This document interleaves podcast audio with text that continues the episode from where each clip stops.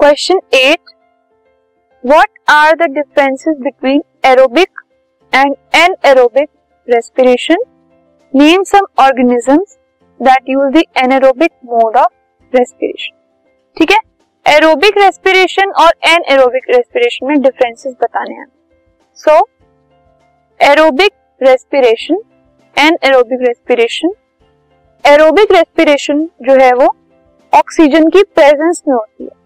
और जो N aerobic respiration होती है, वो ऑक्सीजन की एब्सेंस में होती है। मतलब जब ऑक्सीजन एबसेंट हो।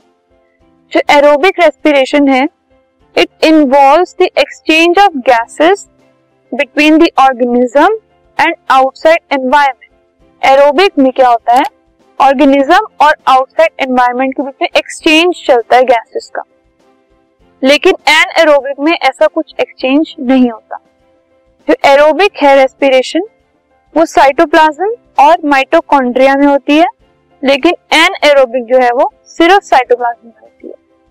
जो एरोबिक रेस्पिरेशन है, उसमें हमेशा कार्बन डाइऑक्साइड एंड वाटर जो है वो रिलीज़ होता है और एन एरोबिक में जो एंड प्रोडक्ट्स हैं वो अलग अलग हो सकते हैं।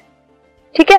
So these are the points of differences between aerobic and anaerobic respiration this podcast is brought you by Hubhopper Shiksha Abhiyan अगर आपको ये पॉडकास्ट पसंद आया तो प्लीज़ लाइक शेयर और सब्सक्राइब करें और वीडियो क्लासेस के लिए शिक्षा अभियान के यूट्यूब चैनल पर जाएँ।